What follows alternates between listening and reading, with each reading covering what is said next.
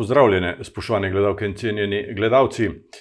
Deset let je tega, ko so se tri mladinske organizacije združile svoje ustvarjalne moči in se povezale v Zvezo društev Mladinski center Idrija.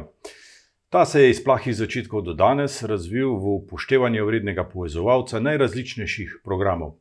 Več o njegovem delu pa nam bo povedala vodja tega centra, Jersa Korče, ki jo prav lepo pozdravljam v našem studiu. Dobrodošli. Lepo pozdravljeni. Deset let, to je lahko veliko ali pa tudi malo. Kako je v vašem primeru? Glede na to, koliko se je zgodilo v desetih letih, eh, lahko rečemo, da je kar eh, veliko, oziroma lepa doba razvoja mladinskega centra je bil dokaj hiter in nagel iz neke združbe mladih, ki so sam želeli pridobiti nek prostor. Verjamem, da lahko danes vsak eh, prebivalec Idrije reče, da je mladinski center neka inštitucija, ki zagotavlja delovanje in mladim, in tudi širše. Pravno formalno obliko imate, pravzaprav ste društvo. Ja, deluje kot zveza društv, zveza treh društv, torej klub idrijskih študentov, taborniki in pa društvo Idrija 2020, in ja, pravna oblika je društvo. Imate predvsem mladinske programe za starostno skupino od 15 do 29 let, pa tudi nekaj za otroke. Ja, ja, to je naša fokusna skupina, so mladi od 15 do 29 let, tako nekako so tudi eh, zakonsko opredeljeni mladi, glede na to, da se financiramo tudi iz urada za mladino in imamo tudi v statutu zabeleženo, da je to naša fokusna skupina. Seveda pa delamo tudi programe za mlajše od 15 let in pa tudi, seveda, za starejše od 29 let. Eh, nikomor ne zapiramo vrat, vsi so vabljeni, da se udeležijo različnih aktivnosti. Eh, vaš nabor teh eh, programov je silno raznolik. Pravzaprav. Eh, prebral sem, da je poučevanje kitare ponujate, Jan Pjuk poučuje kitaro, Country Line Dance, Valerija Božič uči country plese, naprimer, tečaj angleščine izvaja Ricardo Smith, vadba za dojenčke, do samostojne hoje celo. Ja, želimo si predvsem zagotavljati čim širši spektr tega, da bi ta naša hiša, ki je ogromna, kar se da živela, da bi bili prostori polni. Želimo si predvsem tudi vsebin, ki so ali bodi si zelo cenovno dostopne ali celo brezplačne, ker se zavedamo, da je tudi socialni položaj ljudi različen in da si mogoče vsak niti ne more privoščiti, da plača neke profesionalne tečaje. Tako da nekako tukaj iščemo svoj prostor pod soncem in v te namene, seveda, povabimo vse akterje, vse tiste, ki delujejo tudi prostovoljno znotraj posameznih, da imajo določena znanja, da pridejo, da ta znanja ponudijo, da predajo. Nekatere vsebine so pa tudi zgolj namenjene druženju in niti niso profesionalizirane, tako kot recimo v tem primeru eh, gospe Valerije, ki se je obrnila na nas, da bi imela nekih deset ponovitev, da predstavi ta ples in je to ponudila brezplačno, in smo rekli, super, da še danes si kdo sploh želi brezplačno ponuditi vsebine. Med zanimive programe, vsekakor sodi tudi program Sam doma 65. Tukaj sodelujete z, z mestno dnevno sobo pri Golitu. Kaj je vsebina tega programa? Ja, z mestno dnevno sobo v lanskem letu, oziroma pred nekaj meseci, no, v zimskem času, sva z gospodom Tilnom, ki vodi mestno dnevno sobo, Eh, prišla na idejo, da bi mogoče eno ali pa dve ponovitve naredili nekega medgeneracijskega sodelovanja, potem je bilo pa kar nekaj udeleženk in vsak teden jih je bilo več, uh, in smo rekli, pa da jim to ohraniti. Tako da zdaj v bistvu z novim, novo sezono, s to uh, z jesenjo, začenjamo ponovno ponovitve, da se vsako sredo ob desetih dobimo pri Goliju. To bo nekako na 14 dni potekalo, uh, tam se družijo mladi in uh, tisti 65, plus sopotniki zagotavljajo prevoz tem starejšim, potem pa igramo družabne igre, kakšna starejša gospa nauči kakšno našo mlado prostovoljko kvačkati, recimo, skratka, gre za neko izmenjavo znanj in pa neko prijetno druženje. Druženje ste imeli poleti tudi na vaši terasi, e, tam ste predvajali tudi e, kino predstave. Ja, to smo s filmskim gledališčem v Idri letos e, nekako izvedli na terasi. Eh, filmsko gledališče ima tako ogromno platno, ki ga je pripeljalo na našo teraso. Ob 25. obletnici Titanika smo predvajali Titanik in je bilo kar zanimivo, kako v bistvu ta mlajša generacija, ki je naša ciljna publika, tega filma ni videla, ker so pač odraščali v nekih eh, kasnejših časih kot mogoče moja generacija. Uh, tako da si nekako nadejamo, da bomo prihodnje leto redno izvajali tudi kino predstave na naši terasi. Postajate pa tudi pomemben, tako pomemben v lokalnem okolju, organizator koncertov. Koga ste vse gostili? Ja, predvsem smo letos si nekako zamislili na terasi, da gostimo neke mlade, neuveljavljene idrijske skupine. Tako da je recimo prvi nastop imela uh, mlada idrijska glasbena skupina Kaldrija, uh, to je sicer skupina gimnazijcev, ki so se zbrali in imeli svoj prvi nastop ravno na naši terasi, in za deseto obletnico smo jih ponovno povabili, da nastopijo. Imeli smo Šona Banksa, tudi lokalni uh, kantautor na kitari, in drugo leto si bomo prizadevali, da še bolj odpremo prostor, da lahko res ta naša terasa, ki je sicer majhna, namenjena nekim manjšim koncertom, nekakšnim večjim glasbenim skupinam, živi predvsem v duhu tega, da idrijski mladi ali pa tudi manj mladi glasbeniki uh, dobijo prostor. V pritličju in tudi pod teraso imate velike, velike prostore, nekdanjo jedilnico. Uh, to lahko občani tudi najamejo. Ja, tako je. Smo ponudili takrat, kadar nimamo izvajanja svojih rednih dejavnosti oziroma drugih dejavnosti v mladinskem centru, lahko občani najamejo prostor za praznovanje rojstnega dneva svojih otrok, ker vemo, da marsikdo živi v bloku in potrebuje nek prostor, kjer lahko otroci eh, tekajo naokoli sproščeno, brez da bi uh, živcirali bodi si sosede ali starše. V mestu veliko krat vidimo tudi kombi z nalepkami MC Mobil. Za kakšen program gre? MC Mobil je naša mobilna enota, potuje nekako po vseh, seveda se tudi v Idriji na mestnem trgu, ampak osnovni namen je, da s to mobilno enoto prodremo izven te naše stavbe, zdaj že to kar nekaj let uh, uspešno počnemo. Vedno imamo ekipo prostovoljcev, ponovadi jih je nekih pet uh, prostovoljcev, ki se tudi skozi ta mobilni center kalijo v svojih pedagoških sposobnostih. Uh, in mislim, da je ta zadeva zelo dobro sprejeta, bodi si na vojskem, na Črnem vrhu, kanomli, kamorkoli uh, pride naša mobilna enota. V vašem poslopju imate tudi hostel, ki je, če se ne motim, največji nastanitveni objekt v občini. 55 postelj imate, obnovili ste ga z, tudi z evropskim eh, denarjem. Eh, kako ste bili kaj zasedeni letos? Letos lahko rečemo, da kar eh, zelo dobro zasedeni, vsaj v tistih dveh mesecih, ko je neka glavna sezona, smo imeli tudi dva tedna, ko smo bili nekako 100% zasedeni v vseh kapacitetah. Eh, problematičen je seveda tisti del izven sezone, ampak verjamem, da je to neka zadeva, s katero se ukvarjajo vsi nastanitveni obrati v Idriji, torej da nekako julija, avgust sta meseca, eh, ko zadeva zelo dobro funkcionira. Bomo pa v prihodnje iskali načine, kako eh, to sezono podaljšati.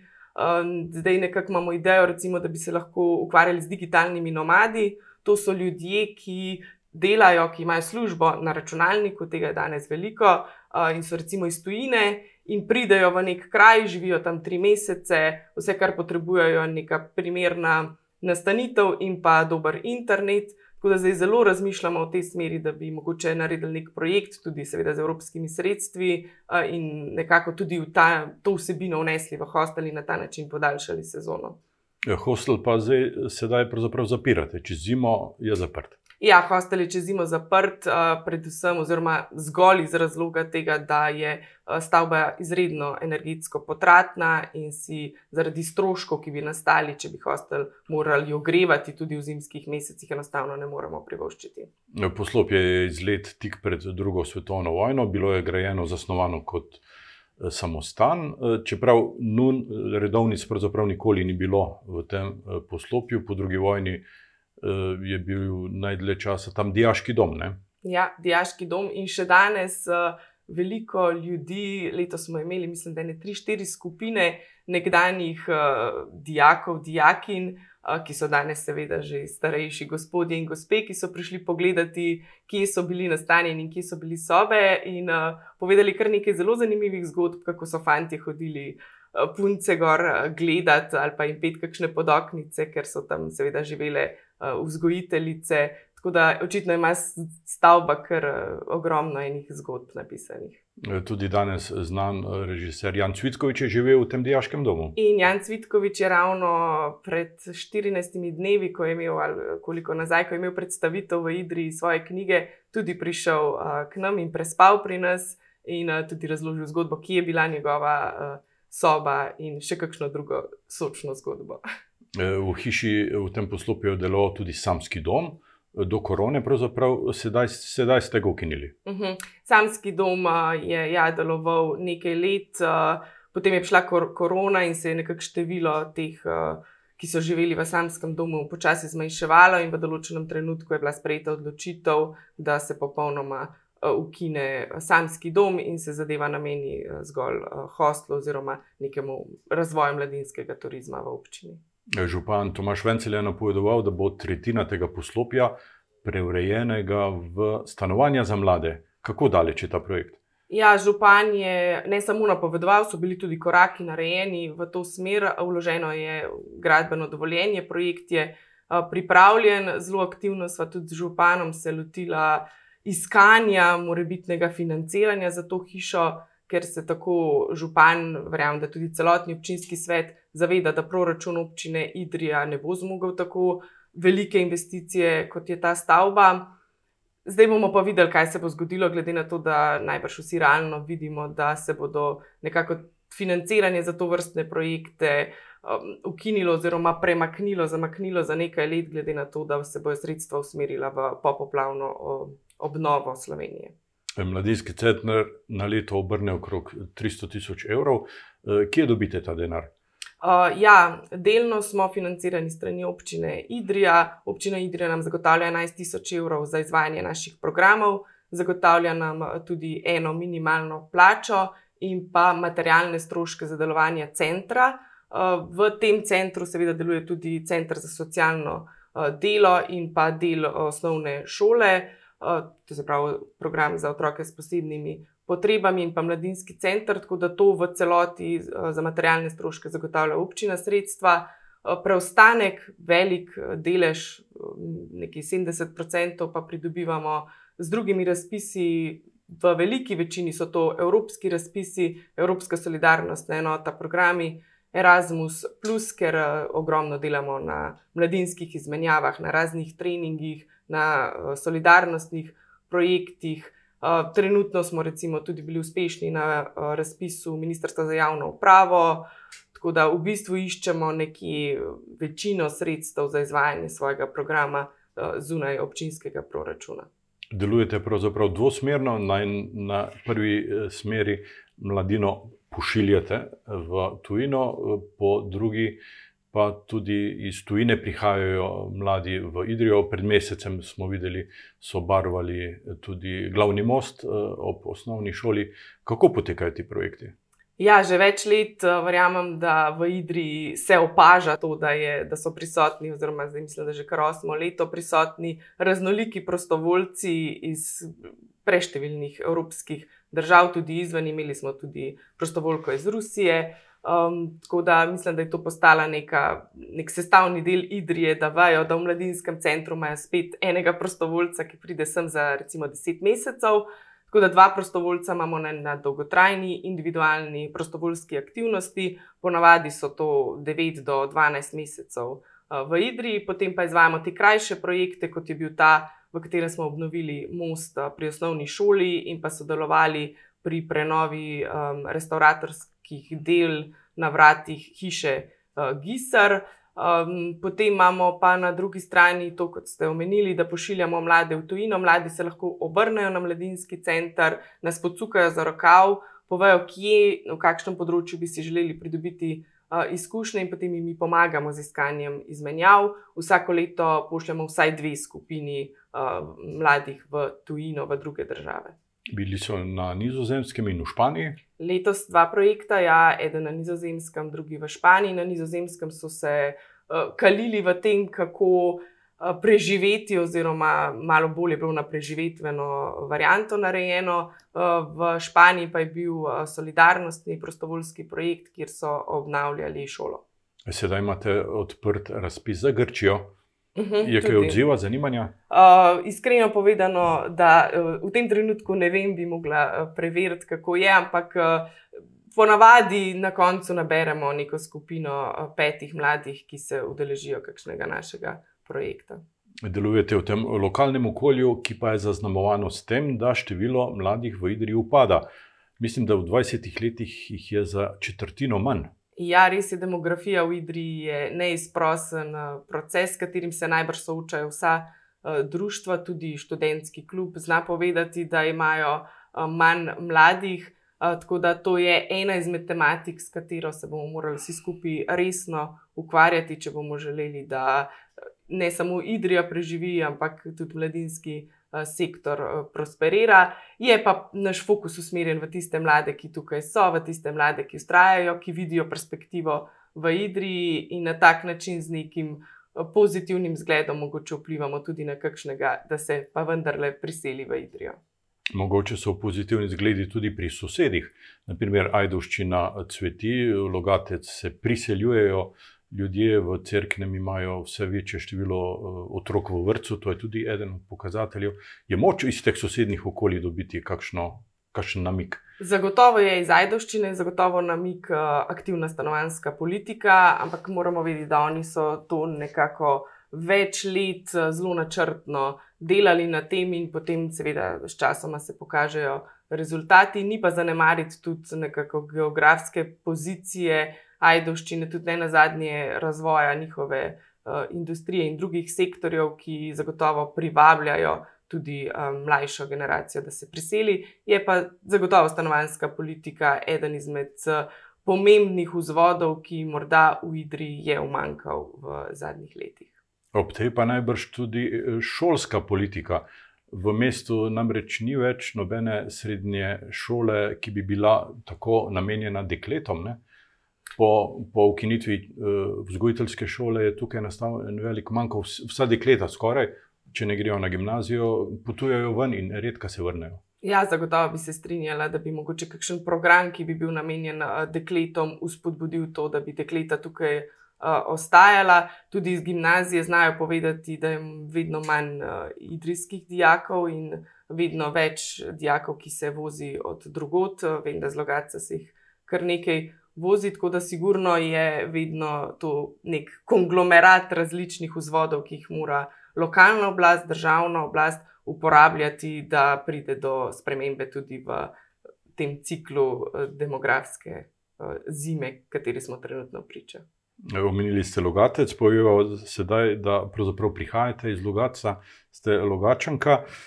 Uh, Bila ste tudi eh, predsednica kluba Logaških študentov, nekaj izkušnji imate, najbrž ste tam začeli svoje delo na mladinskem področju. Ja, ja, eh, vse skozi sem bila družbeno zelo angažiran človek, tudi v Logacu mi je ta društva, prostovoljstvo, to mi je blizu, zagotovo mi nekaj izkušnje iz kluba študentov, kasneje tudi iz mladinskega sveta, eh, koristijo tudi v današnjem delu, ki ga pač upravljam trenutno v mladinskem centru prihajam iz Logaca, uh, pa počasi lahko mogoče že rečem, da ponosno postajam tudi Idrka.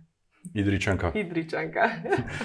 Bili ste tudi zelo aktivni na, na področju na državni politiki eh, v stranki Marjana Šarca. Štiri leta ste bila tudi eh, poslanka državnega zbora. Ja, tudi te izkušnje mi danes uh, koristijo, predvsem v smislu tega, da mogoče lažje tudi za mladinski center, kakšno zakonodajo pogledam, um, lažje se mogoče odpravim v Ljubljano na kakšno ministrstvo, recimo, da še vedno koga na ministrstvih tudi poznam, lažje pa vprašam kakšno zadevo, tako da z veseljem tiste izkušnje in poznanstva iz tistega obdobja uporabim danes za razvoj uh, centra v Idriji. Vaš življenjski sopotnik je Mateoš Štraus, znan Idričan, javna osebnost. Eh, kako eh, kot mlada mamica doživljate to mesto, je prijazno do mladih družin? Ja, jaz sem velik eh, promotor Idrije, zato ker se mi zdi zelo, zelo prijeten kraj tudi za vzgajanje najmlajših. Nekako v nekem, v nekem mehkem področju imate vse. Ogromno je dogajanja, ogromno je kulturnega dogajanja, koncertov, imate kino, vse stvari, ki jih nekako v Logacu, ki je mogoče bolj spalno naselje, vendarle nisem imela ali pa nisem tako doživljala. Tako da, ko sem prišla v Idrijo in videla, koliko stvari se pri vas dogaja, sem bila zelo navdušena in je, je prijetno mesto. Je mesto, v katerem se še vedno čuti neka solidarnost, mogoče neki ostanki nekdanjega rudnika, kjer je vladalo neko tovarištvo.